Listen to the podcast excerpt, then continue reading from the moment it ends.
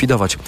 Przy czym rządzowa, rządząca koalicja KO Trzecia Droga Lewica nie jest w tej kwestii jednomyślna. Wawrzyniec Zakrzewski. Likwidacja Funduszu Kościelnego była jednym ze stu konkretów, jakie przed wyborami zapowiadała Koalicja Obywatelska. Ale jak mówi jej poseł Michał Szczerba, budżetu po PiSie tak łatwo nie da się zmienić. Pan minister Domański miał 4 dni na przygotowanie budżetu na e, 365 dni. Dokonał e, tych najważniejszych korekt. Prace się rozpoczęły w Sejmie, ale to nie wyklucza i poprawek do budżetu państwa, ale też e, zmian budżetu w trakcie mm, roku kalendarzowego. A likwidację funduszu z pewnością poparłaby Lewica, mówi poseł Maciej Konieczny. To jest pierwszy budżet y, i oczywiście fundusz kościelny jest, a nie powinno go być. A z perspektywy lewicowej to oczywiście jest błąd. Y, Fundusz y, kościelny powinien być zlikwidowany. Będziemy do tego dążyć. Ale żeby się to powiodło, poza Koalicją Obywatelską i Lewicą, za musiałaby się opowiedzieć także większość posłów trzeciej drogi, a ta na razie w tej kwestii jest mocno podzielona. Sejm Wawrzyniec Zakrzewski do KFM.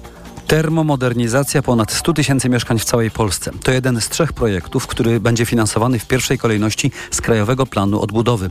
Pozostałe dwa cele to szerokopasmowy internet dla miliona rodzin i inwestycje w żłobki, mówi ministra Funduszy i Polityki Regionalnej Katarzyna Pełczyńska-Nałęcz z Polski 2050. Połowa gmin w całej Polsce nie ma żłobków. Ten problem będzie rozwiązywany w ramach KPO, będzie rozwiązywany już w pierwszym etapie trwania KPO. W sumie prawie 50 tysięcy miejsc w żłobkach zostanie wyposażonych, stworzonych dzięki środkom właśnie z KPO. Polski rząd wysłał do Brukseli pierwszy wniosek o płatność z KPO w zeszłym tygodniu. Chodzi o ponad 7 miliardów euro, które mogą trafić do Polski w kwietniu przyszłego roku. To są informacje TOK FM. Prezydent Wrocławia Jacek Sutryk wysyła list do premiera Donalda Tuska w sprawie tramwaju na Jagodno. Osiedle po wyborach parlamentarnych stało się znane w całej Polsce, bo to tam ludzie stali w kolejce do urn do trzeciej nad ranem. Mieszkańcy Jagodna od lat walczą o tramwaj. Donald Tusk podczas powyborczej wizyty we Wrocławiu obiecał, że gdy zostanie premierem, wesprze wybudowanie trasy. Teraz Jacek Sutryk chce, by premier dotrzymał obietnicy. Małgorzata Wawrzkiewicz. Żeby linia tramwajowa powstała, potrzebne jest wsparcie władz krajowych, bo szyny tramwajowe mają się przecinać z kolejowymi. Rząd PiSu od lat nie reagował na apel Wrocławia, mówi prezydent Jacek Sutryk. To jest kwestia przyjęcia wytycznych, przepisów przez resort infrastruktury, które by umożliwiły w przypadku Jagodna krzyżowanie się w poziomie szlaków kolejowych z tramwajowymi. My o te wytyczne wnioskujemy przez ostatnie lata. Jagodno w ostatnim czasie bardzo się rozbudowało, a komunikacja miejska nie odpowiada potrzebom mieszkańców. Dlatego walczą o tramwaj. Bo to oznacza dla sporego przecież osiedla, jakim jest Jagodno, ale nie tylko dla tych osiedli tutaj południa Wrocławia, oznacza szybki transport publiczny do centrum miasta w parę minut. Gdy powstanie trasa tramwajowa, przejazd do dworca głównego ma zająć kilkanaście minut. Małgorzata Waszkiewicz, TOK FM. Przed południem w Warszawie doszło do nagłego załamania pogody. Pada śnieg i mocno wieje. W związku z tym samoloty lądujące na lotnisku Chopina mają opóźnienia. Konieczne jest odśnieżenie pasa oraz zabezpieczenie przed ewentualnym zamarzaniem. Mogą się pojawić opóźnienia samolotów przylatujących do Warszawy. Przekazał portalowi TVN24 Piotr Rudzki z biura prasowego lotniska Chopina. Kolejne informacje o 12.20. Za chwilę prognoza pogody. Pogoda. Dziś sporo chmur, ale może także przejaśniać się w całym kraju. E, przelotne opady, deszczu i deszczu ze śniegiem i śniegu. Na termometrach od 1 stopnia na północnym wschodzie, 2 stopnie w centrum, 3 stopnie w Małopolsce, do 5 stopni na zachodzie. W całym kraju silny wiatr, nawet do 100 km na godzinę. Radio TOK FM. Pierwsze radio informacyjne. Popołudnie Radia TOK FM. 12.07 rozpoczynamy popołudnie Radia Tok FM w piątek 22 grudnia. Program przygotował i czuwa nad nim Maciej Jarząb, realizuje Krzysztof Woźniak.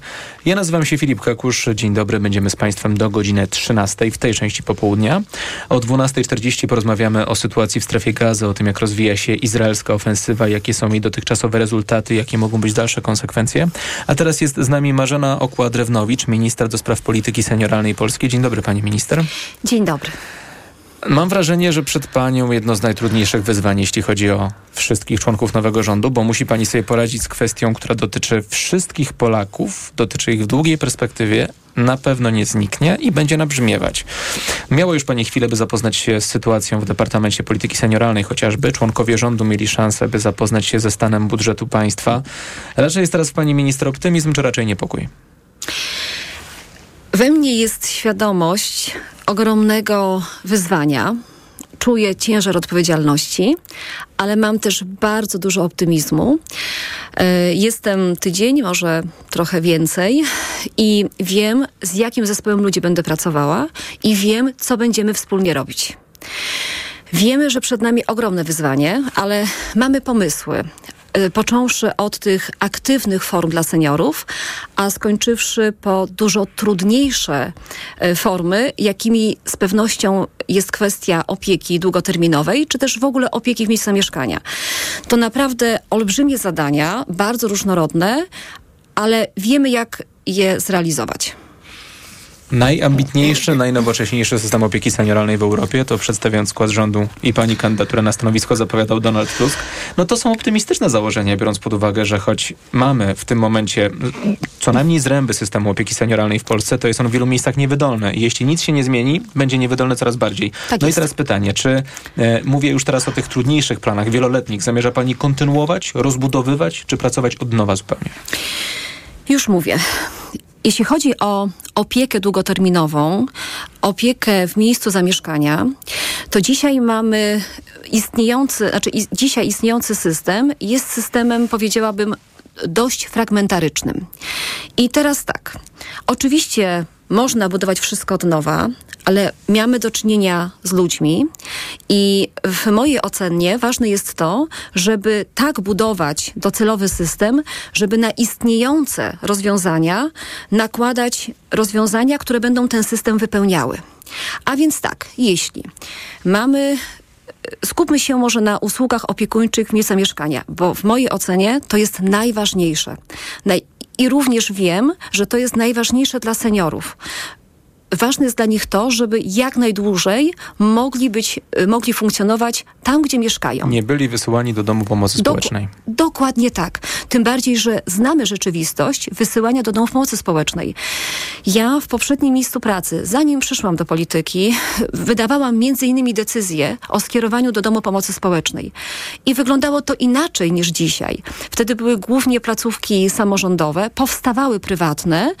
Natomiast dzisiaj jest tak, że jest bardzo dużo placówek prywatnych i na końcu jest tak, że jeśli y, senior ma być skierowany do DPS-u i rodzina ma za to dużo zapłacić, i samorząd w ślad za, skiero- za skierowaniem do takiego DPS-u samorządowego, najczęściej powiatowego, płaci w granicach 5, 6, 7 i więcej tysięcy, to często rodziny rezygnują z, z umieszczenia w tego typu DPS-ie, szukają prywatnych bardziej form opieki, które są tańsze.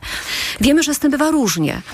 Nie chcę przesądzać. Natomiast najwa- stąd też najważniejsze jest to, żeby dać narzędzia, które pomogą, czyli pieniądze, które pomogą ym, osobom wymagającym wsparcia pozostać w miejscu zamieszkania i być zaopiekowanymi. I teraz jak to zrobić? Dziś jest tak, że usługi opiekuńcze e, są świadczone w miejscu zamieszkania przez samorządy i jest to zadanie własne gminy. To oznacza, że gmina realizuje te usługi opiekuńcze tylko i wyłącznie z pieniędzy własnych. Często realizuje je sama, ale również zdarza się coraz częściej, że zleca je zewnętrznej firmie, oczywiście w drodze przetargu. Ale tylko na tyle organizuje te usługi, na ile ją po prostu stać. Stąd też jest tak naprawdę w sytuacji starzejącego się społeczeństwa coraz mniej y, liczby godzin, y, które są y, świadczone w stosunku do potrzeb.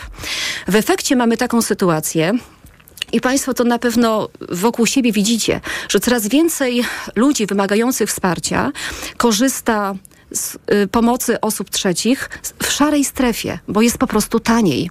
Często są to opiekunki, y, Ukrainki, Białorusinki, y, różni, y, różne opiekunki, ale nie w sposób sformalizowany. I ten bon opiekuńczy, czy też bon na opiekę dla seniorów, o którym mówimy, to mówimy o takim rozwiązaniu, które po raz pierwszy w historii dofinansuje samorządy, czy też pomoże samorządom, może tak, w organizacji opieki nad bliskimi w miejscu zamieszkania. Ale dla mnie ważne jest to, żeby ten strumień pieniądza, znaczy to będzie bon na usługę, więc tak naprawdę człowiek nie dostanie, nie dostanie pieniądza. pieniędzy, będzie mógł sobie coś zrealizować. Dokładnie tak, bo to jest bardzo ważne, bo to nam gwarantuje rozbudowanie systemu usług, bo to musimy robić, żeby powstawały usługi. Żeby one powstawały, no to musi być na to pieniądz celowany. Musimy też dać tę przestrzeń czasową. Nie od razu wszystko dla wszystkich, bo musimy dać czas na stworzenie się rynku ty tychże usług, żeby byli asystenci, którzy w sposób bardzo prosty będą zdobywali e, kwali proste kwalifikacje, uprawnienia typu udzielanie pierwszej pomocy, czy też jak dźwignąć osobę wymagającą takiej pomocy. Natomiast kto dziś ma największy problem z opieką nad bliskim? Pracujący. Bo właśnie dzisiaj, po tych, bo powiedziała od lat 90., wtedy, kiedy, kiedy mieliśmy do czynienia z transformacją ustrojową i z bezrobociem strukturalnym, wiele osób, dzisiejszych 50-parolatków, emigrowało często do dużych miast za pracą.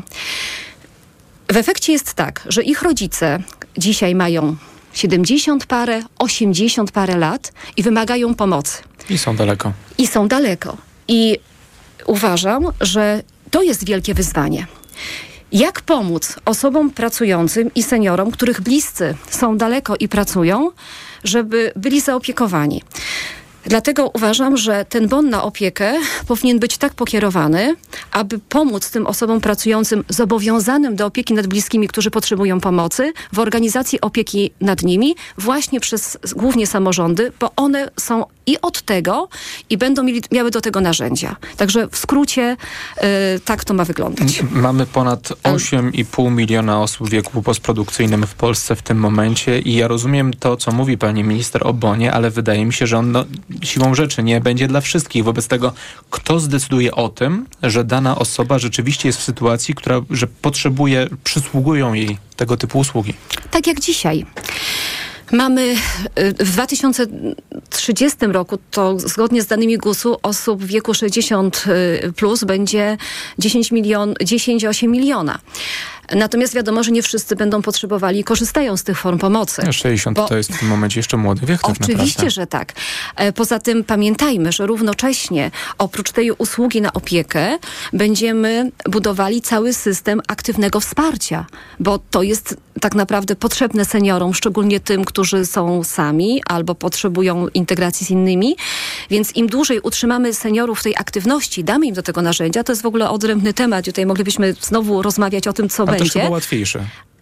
Zdecydowanie. Zdecydowanie łatwiejsze. No Oczywiście, że tak. Zostawmy na razie. To zostawmy na razie. E, Jak zrobimy bon, wtedy będziemy to się zajmować czymś jeszcze, łatwiejszym, bo bon jest jednak fundamentem, e, bo to jest wyzwanie, znaczy odpowiedź na wyzwanie starzejącego się społeczeństwa związanego z ryzykiem, z ryzykiem e, niesamodzielności wraz z wydłużającym się wiekiem. Więc e, dla tych seniorów, którzy będą potrzebowali opieki, mówimy o tym bonie. Dzisiaj szacuje się, że właściwie też nie ma też jakichś e, badań takich, takich fundamentalnych, jedynych, na których możemy się opierać, jeśli chodzi o kwestie związane z opieką.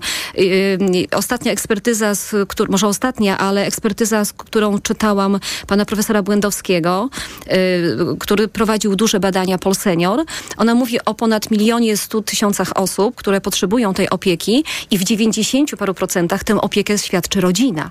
Więc mówimy mniej więcej o takiej skali. Oczywiście ona się będzie zwiększać. Kto będzie decydował? Tak jak dzisiaj. Y, senior, osoba potrzebująca mieszka na danym terenie. I to ona może zwrócić się y, z prośbą o opiekę, o wsparcie do y, samorządu, czyli do ośrodka pomocy społecznej.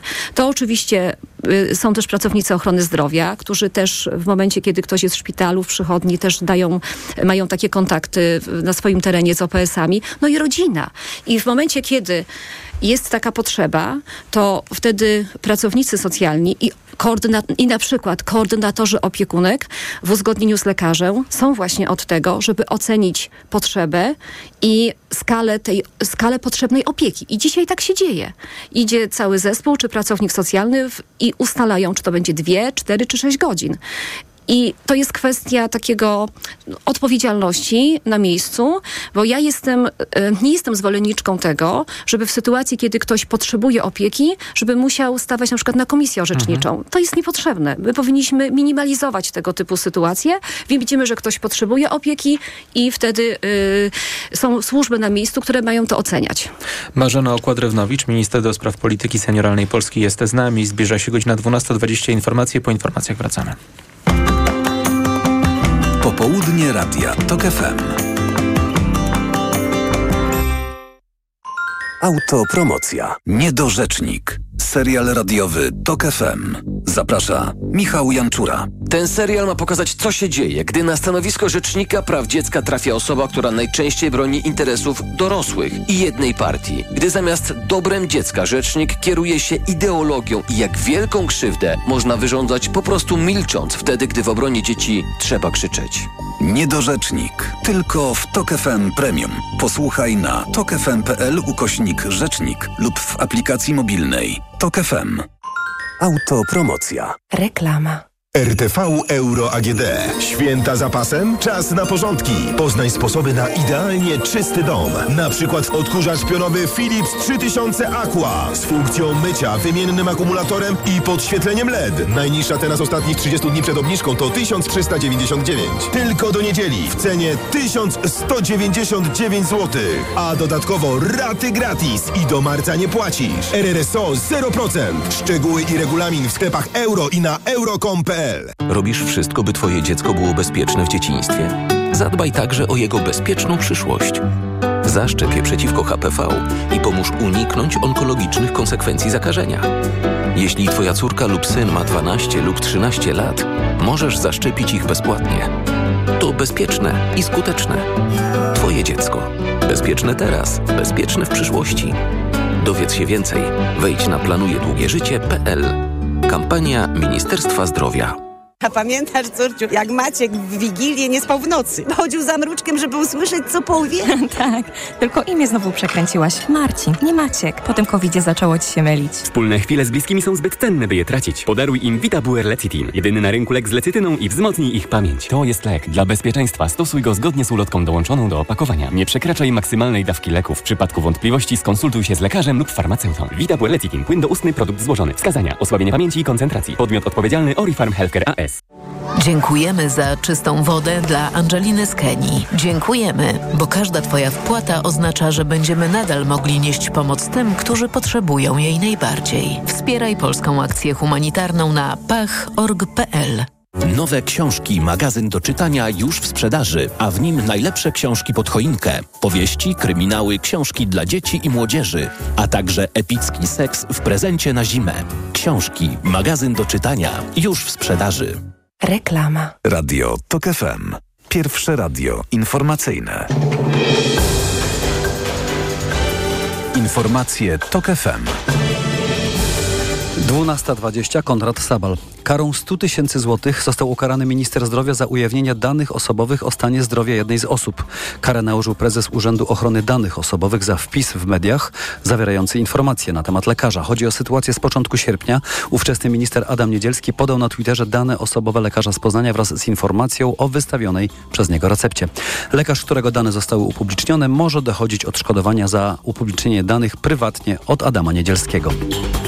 Wiceminister Funduszy i Polityki Regionalnej Maciej Lasek będzie pełnomocnikiem premiera do spraw Centralnego Portu Komunikacyjnego. Poinfo poinformowała dziś szefowa tego resortu Katarzyna Pełczyńska-Nałęcz. Centralny Port Komunikacyjny to planowany węzeł przesiadkowy między Warszawą i Łodzią, którego główną, głównym elementem ma być nowy port lotniczy. Kardynał Konrad Krajewski, pełniący funkcję jałmużnika papieża Franciszka, spędzi Boże Narodzenie w Jerozolimie. Watykan informuje, że wizyta kardynała Krajewskiego w Ziemi Świętej jest konkretnym znakiem udziału papieża w cierpieniu tych, którzy doświadczają konsekwencji wojny. Kardynał Krajewski poprzednie Boże Narodzenie spędził na Ukrainie razem z uchodźcami i wolontariuszami. To są informacje TOK FM. W Krakowie rozpoczął się montaż 31. żywej szopki przy ulicy Franciszkańskiej. W tym roku w wybudowanej przez zakonników zagrodzie podziwiać będzie można nie tylko osiołka, będą tam również lamy, kozy i kuc. Zakonnicy pomyśleli też o wspólnym śpiewaniu kolęd. W czasie świąt odbędą się też dodatkowe koncerty. Zapowiada franciszkanin Szymon Greszta. Zaczynamy 24, 22.30. E, Będzie powitanie, złożenie życzeń. Następnie nastąpi kolędowanie z zespołem franciszkańskim Fioretti. Szopka jest cały czas w budowie, ale jak zapowiadają zakonnicy, gotowa powinna być już w sobotę. Zwykle no, budujemy, to jest, budujemy trzy dni, czwarty dzień to jest taka już dekoracyjna rzecz. Franciszkanie poszukują jednak wolontariuszek, które w pierwszy i drugi dzień świąt wcielą się w rolę Maryi. Kolejne informacje o 12.40, za chwilę prognoza pogody. Pogoda. Synoptycy ostrzegają przed silnym wiatrem w województwie podkarpackim. Około od południa do godzin nocnych bardzo silnie może wiać m.in. w powiatach rzeszowskim, sanockim, tarnobrzeskim i ropczyckim. Dziś dużo chmur, będą też przejaśnienia. Przelotnie może padać deszcz ze śniegiem i śnieg. Temperatura plus 1 stopień w Białymstoku, plus 2 w Warszawie i Lublinie, plus 3 we Wrocławiu i Krakowie, plus 4 w Rzeszowie, plus 5 w Gorzowie. Radio TOK FM. Pierwsze radio informacyjne. Popołudnie Radia TOK FM. 12.23 Filip Kakusz, Marzena Okładrewnowicz, minister do spraw polityki senioralnej Polski, cały czas z nami. Dzień dobry. Dzień dobry. Ponownie. Rozmawialiśmy o założeniach e, bonu senioralnego e, i te założenia już e, pani minister opisała dość szczegółowo. Kiedy? Kiedy to wejdzie w życie? E, już odpowiadam bardzo konkretnie. Mieliśmy w czasie kampanii wyborczej zapowiedź 100 konkretów na pierwsze 100 dni. Bon został wpisany do tych 100 konkretów. Nie wszystkie 100 konkretów zostanie zrealizowane, stąd pewna wątpliwość. Ten bon na opiekę, wpisany do 100 konkretów, będzie w ciągu pierwszych 100 dni konkretnym projektem ustawy, który y, będzie poddany oczywiście konsultacjom międzyresortowym, konsult, konsultacjom społecznym, e, a więc w ciągu tych 100 dni będziemy mieli gotowy projekt na stole. Teraz tak, kiedy on wejdzie w życie, to oczywiście będzie uzależnione od wyników tych konsultacji. Pamiętajmy, że to nie jest prosty pieniądz, który wymagał będzie tylko transferu. To jest cały system, do którego muszą być przygotowane samorządy, ośrodki pomocy społecznej. I y, będziemy z pewnością y, z nimi konsultowali, jaki, y, w jakim czasie oni będą gotowi. Nie wykluczam, że być może pojawi się jakiś pilotaż po to, żeby najpierw wyłapać jakieś ewentualne niedociągnięcia, bo mamy do czynienia z ludźmi, nie z przedmiotami, z ludźmi. Więc ważne jest to, żeby wprowadzając ten bon, wprowadzać absolutnie z jakimś minimalnym ryzykiem jakiegokolwiek błędu. E, I najpierw ten bon będzie wprowadzany, yy, znaczy będzie tak uważam, tak, tak zakładam, y, dla osób najbardziej potrzebujących, czyli najstarszych. Przyjmuję, że to może być dla osób w wieku powyżej 75 roku życia. Dlaczego? Dlatego, że im człowiek starszy, tym większe ryzyko niesamodzielności, ale z drugiej strony, nawet gdybyśmy chcieli, żeby ten bon, y, tym bonem objąć osoby młodsze, to też nie zdążymy, znaczy to rynek nie zdąży z przygotowaniem rąk do pracy, bo wiemy, że muszą być po drugiej stronie asystenci. Y, Asystenci opiekunów osób starszych, czyli osób wymagających wsparcia z uwagi na wiek. Więc my musimy go wprowadzać systematycznie, żeby równocześnie miał kto y, realizować ten bon. Nie tylko w sensie organizacyjnym, samorządowym, czy w sensie ośrodka pomocy społecznej, ale w sensie konkretnej usługi wykonywanej przez konkretnego opiekuna, opiekunkę. Mówi Pani o rękach do pracy, które trzeba przygotować i to jest właśnie moja obawa, dlatego że boję się, że praca z seniorami, to teraz widać w DPS-ach, y, jest pracą niezwykle wymagającą wobec tego, jak zachęcić ludzi do tego, żeby, żeby, coś takiego, żeby coś takiego robili, no bo biorąc pod uwagę, że chociażby do tych DPS-ów trafiają ludzie, y, ponieważ y, są kolejki i są to drogie, drogie, drogie rzeczy, trafiają tam ludzie, którzy rzeczywiście naprawdę potrzebują stuprocentowej, całodobowej opieki i opieka nad nimi jest więc bardzo, bardzo wymagająca i bardzo też niewdzięczna. No i jeśli chcemy rozbudować mm, e, całą politykę senioralną, to takich ludzi jest o wiele więcej i będzie coraz więcej. No i gdzie znajdziemy opiekunów w tym starzejącym się społeczeństwie? To jest tylko kwestia pieniędzy? Chyba nie. W dużej mierze jest to kwestia pieniędzy, Jednak? bo i, i, ja myślę, że tak, dla, ponieważ jeśli za daną usługę jeżeli, jeśli można byłoby zarobić więcej, godzina byłaby atrakcyjniejsza e, finansowo niż jest dzisiaj, to też i zainteresowanie byłoby większe.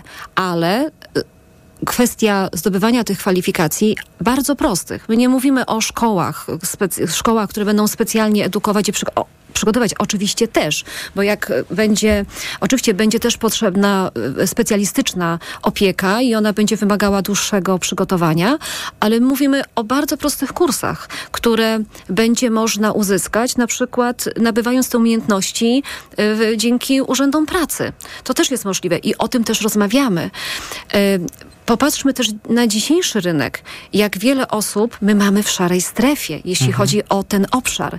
Więc my musimy znaleźć sposób, czyli zachętę finansową i ścieżkę zdobywania kwalifikacji prostą, żeby te osoby wyciągnąć z tej szarej strefy, żeby one w przyszłości nie świadczyły tylko e, tej opieki dla tej jednej osoby, która jej płaci indywidualnie, ale żeby zrobić w cudzysłowie oczywiście z tej osoby profesjonalnego opiekuna, który będzie mógł świadczyć swoją usługę dla tego seniora, dla innego i może jeszcze dla trzeciego, w zależności od skali potrzeb. Bo jeżeli ktoś będzie wymagał tylko dwóch godzin dziennie i są takie trzy osoby, to taki opiekun będzie nawet mógł świadczyć tę opiekę dla trzech osób. Niekoniecznie też e, codziennie, bo to zależy jaka jest potrzeba. Ale będą też takie osoby, które będą potrzebowały maksymalnie 6 godzin. I zdarzą się też takie przypadki i bardzo często będą miały miejsce, gdzie ktoś będzie wymagał całodobowej opieki. I tutaj będzie przed nami, jest przed nami kolejne zadanie, żeby skoordynować w ogóle opiekę całodobową, długoterminową, a więc całą procedurę i, i ścieżkę e, organizacji i finansowania zarówno zakładów opiekuńczo-leczniczych, które są przy szpitalach, jak i domów pomocy społecznej. Dzisiaj jest tak, że w tych zolach są największe kolejki, ponieważ e, w, za p- pobyt w zolu nie płaci rodzina, nie płaci samorząd. Więc dzisiaj mamy tam największy problem i musimy też pomyśleć, jak otworzyć właśnie e, zole na inne też e, placówki, żeby tu nie blokować miejsca, a zarazem, jeżeli ktoś dalej potrzebuje takiej opieki, to gdzie go dalej pokierować? I tutaj do tego zadania, bardzo trudnego, bo jest to kwestia opieki długoterminowej, która ma największy, naj, któ- która w największej skali oczywiście jest, jest w Ministerstwie Zdrowia, będziemy tworzyć zespół międzyresortowy do wypracowania tej całej procedury. A da się coś zrobić bez pieniędzy? W ramach kompleksowego systemu opieki senioralnej? Czy to wszystko zależy od tego, ile dosypiemy z budżetu do, do, tego, do tego systemu? Czy być może są jakieś rozwiązania, no chociażby w skali mikro, które można wprowadzić na tyle sprawnie i w miarę bezkosztowo, żeby zaktywizować seniorów, chociażby tak na tyle, żeby oni dłużej pozostawali mm, sprawniejsi i, i mogli o siebie lepiej zadbać? Na pewno jest tak, że można wykorzystać y, pieniądz y, w sposób bardziej optymalny. Y, To jest możliwe. To nie, nie zawsze jest tak, że im większa y, kwota tego pieniądza, tym lepszy efekt. To zależy, jak skonstruujemy dane rozwiązanie. Ale muszę panu powiedzieć, jeśli chodzi o aktywizację seniorów, że da się e, wprowadzić programy e, dla nich, niekoniecznie angażując nowe środki w budżecie. E, Nie tak dawno, bo wczoraj rozmawiałam z panią minister Agnieszką Buczyńską, która wiemy, zajmuje się społeczeństwem obywatelskim, ma wiele grantów, nadzoruje słynny NIF, Narodowy Instytut Wolności. Wiemy, że tam jest dość dużo pieniędzy dla organizacji, więc już wczoraj rozmawiałyśmy o tym, jak w bardzo prosty sposób e, wesprzeć tymi środkami organizacje To senioralne. jest ciekawe przekierowanie. Oczywiście, ale na tym to polega. Znaczy, e, moja rola to nie jest tylko taka rola, że ja sobie coś tam będę wymyślać i sama robić. Ważne jest to, żeby robić jak najwięcej rzeczy w partnerstwie, w zasobach, które są wokół tak naprawdę, w, w współpracy. Em, Jedną z bardzo ważnych organizacji senioralnych są Rady Seniorów. One skupiają reprezentantów seniorów e, na danym powiecie, reprezentantów różnych organizacji. I między innymi ich zadaniem jest kwestia kształtowania świadomości, wpływania na rozwiązywanie problemów e, w, danym, w danej gminie. Rady seniora do niedawna y, nie miały nawet możliwości zwrotu delegacji, jak jechały na, przedstawiciele jechali na, na Obywatelski Parlament Seniorów. To my jako jeszcze wtedy Platforma wprowadzaliśmy taką możliwość powoływania rad seniorów i teraz, mimo że byliśmy w pozycji, udało nam się przygotować projekt. Ja byłam nawet w imieniu wnioskodawców reprezentantką tego projektu, yy, dać taką możliwość, żeby te zwroty delegacji były. Natomiast teraz też uważam, że jest czas na kolejny krok, żeby rady seniorów miały też jakieś swoje możliwości sięgania po pieniądze. Yy, nawet nie, nie obligatoryjne, nawet nie systemowe, ale w ogóle, żeby pojawiły się w przestrzeni e, właśnie tej takiej dysponowania środkami finansowymi, możliwości aplikowania przez nich o pieniądze. Być może w ramach senioralnych budżetów obywatelskich. I być może też uda się to zrobić e, z właśnie wspólnie z panią minister Agnieszką Buczyńską w ramach całego pożytku publicznego i właśnie społeczeństwa obywatelskiego, bo to jest fundament kształtowania świadomości, edukacja, bardzo ważna wśród seniorów. Pieniądze z Krajowego Planu Odbudowy też by się przydały i unijna polityka wspierania mm, e, seniorów. Jest. Jest. Ja Oczywiście jest, ja też wiem e, i wiem, jak duży nacisk jest tam położony na deinstytucjonalizację. Wiem. Odchodzenie od DPS-ów zupełne. Dokładnie, więc mam, mamy to wszystko przejrzane i po to nam jest potrzebny też ten międzyresortowy zespół, że nawet jak teraz będzie wchodziła w życie ustawa od 1 stycznia Centra 75+, to wiemy, że ta ustawa tak naprawdę wymaga no, porządnego przyrządowania, żeby mogła w ogóle zafunkcjonować dobrze. I, y, i, i taka też jest moja rola, żeby to monitorować. I o tym też już rozmawiałam z panią minister zdrowia Izabelą Leszczyną, że to jest nasze zadanie w tej części na pewno wspólne, więc mamy naprawdę nie tylko plany, ale już chciałybyśmy tak naprawdę jak najszybciej to wszystko robić E, i wierzę w to, że zaraz po 1 stycznia zaczynamy, no bo w tej chwili ja też jestem na takim etapie, że muszę się w ogóle fizycznie zorganizować. Ja odwołam się jeszcze na koniec e, do tego hasła z, eks, z expose, z przedstawienia e, rządu przez, przez premiera Donalda Tuska o najambitniejszym i najnowocześniejszym systemie opieki senioralnej w Europie. W którą stronę pani patrzy? W stronę jakiego państwa, jakich rozwiązań, kiedy myśli pani o tym kompleksowym systemie opieki zdrowotnej? Um, nie wiem, jak powiem, że w stronę Niemiec, to nie wiem, czy to dobrze, dobrze będzie. I jeśli są dobre rozwiązania, to narodowość nie ma żadnego znaczenia. Uśmiecham się w kontekście e, takim, że gdyby tutaj byli adwersarze e, z, drugiej strony teraz sceny politycznej, zaraz byłby komentarz, ale tak, rozwiązania niemieckie to są bardzo dobre rozwiązania. Oni tam mają specjalnie taki ośrodek, e, który prowadzi bardzo kompleksowe badania dotyczące starzenia się społeczeństwa. I dla parlamentarzystów wyniki tych badań może nie powiem, że są wiążące, ale są fundamentalne. Kiedyś też byłam na takiej wizycie studyjnej w Bundestagu i y, przyglądaliśmy się tymże rozwiązaniom. E, dlatego też uważam, że z niektórych z nich na pewno będzie można skorzystać, ale nie tylko. E, będziemy z pewnością y, przyglądać się, czy jakie, które rozwiązania z innych krajów bardzo dobrze się sprawdziły i myśleć o tym, czy są do naszych, w naszych, re, re, re, Boże, w naszych e, warunkach do przejęcia, że tak powiem. E, Bo, bo to nie zawsze jest tak, że jak coś w danym kraju się sprawdza, to u nas można przyjąć, no bo to też jest kwestia systemu, który u nas e, funkcjonuje. To musi być wszystko realne. Marzena Okładrewnowicz, minister do spraw polityki senioralnej Polski była z nami. Dziękuję bardzo. Bardzo dziękuję. Zbliża się godzina 12.40. Informacje. Popołudnie Radia TOK FM.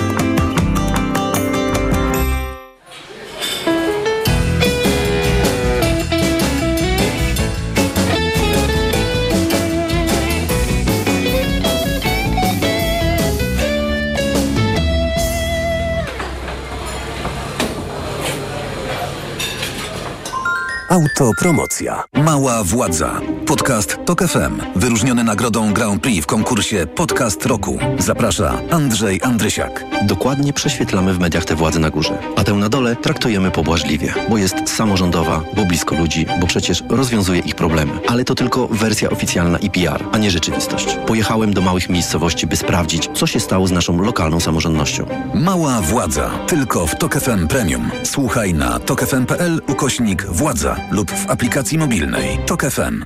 Autopromocja. Reklama. Nasz kujawski olej z pierwszego tłoczenia Podkreślamy. Z pierwszego tłoczenia Kto stosuje w kuchni, ten zaraz docenia Użyj kujawskiego stłoczenia pierwszego Nie masz w kuchni nic lepszego Proszę, pane okulary. Warto też kupić suplement diety Maxiluten D3. Maxiluten D3? Tak, ma wysoką dawkę luteiny oraz składniki wspierające wzrok, cynk i wyciąg z róży stulistnej, a dodatkowo również wysoką dawkę witaminy D3. Maxiluten D3. Aflofarm. Rozpoczynają się święta Bożego Narodzenia teraz w Teddy. Skorzystaj szybko z aktualnej promocji i ciesz się świątecznymi oszczędnościami. Teddy oferuje teraz 30% rabatu na wszystkie artykuły LED i artykuły świąteczne. Z wyjątkiem opakowania na prezenty. Teraz 30%. Teddy. Pełnia pomysłów. Czy pierwszy milion trzeba ukraść? Czy pieniądze lubią ciszę? Odpowiedzi na te pytania mogą być różne. W programie Biznes Klasa zadamy je ludziom, którzy liczą się w świecie wielkiego biznesu i jeszcze większych pieniędzy. Zapraszam, Łukasz Kijek, redaktor naczelny Money.pl. A teraz pomyśl, co możesz dziś mieć za 4 zł. W Inea Internet 1 giga i 124 kanały TV za 4 zł miesięcznie przez rok. Sprawdź na inea.pl. Inea. Dobrzy ludzie od internetu. Teraz w całej Polsce. Febrisan na grypę i przeziębienie. Febrisan na katar i gorączkę. Febrisan na ból gardła i głowy. Febrisan. Wszędzie Febrisan. I dobrze, gdy przeziębienie wywraca życie do góry nogami, to on stawia na nogi. Febrisan przywraca codzienną równowagę. To jest lek. Dla bezpieczeństwa stosuj go zgodnie z ulotką dołączoną do opakowania. Zwróć uwagę na przeciwwskazania. W przypadku wątpliwości skonsultuj się z lekarzem lub farmaceutą. Febrisan. Jedna saszetka 5 gramów proszku zawiera 750 mg paracetamolu, 60 mg kwasu ascorbowego i 10 mg chlorowodorku fenefryny. Wskazania. Krótkotrwałe leczenie objawów przeziębienia i takich jak gorączka, dreszcze, katar głowy, mięśni, gardła, zatok. Podmiot odpowiedzialny. Olifarm Healthcare AS. Od światowych rynków. Po Twój portfel. Raport gospodarczy. Mówimy o pieniądzach. Twoich pieniądzach. Słuchaj od wtorku do piątku po 14.40. Na audycję zaprasza jej sponsor, operator sieci Play, oferujący rozwiązania dla biznesu. Play. Przeceny na święta w Media Expert, a do tego na produkty objęte promocją 30 rat 0% i dwie raty zapłacimy za Ciebie. RSO 0% i do marca nie płacisz.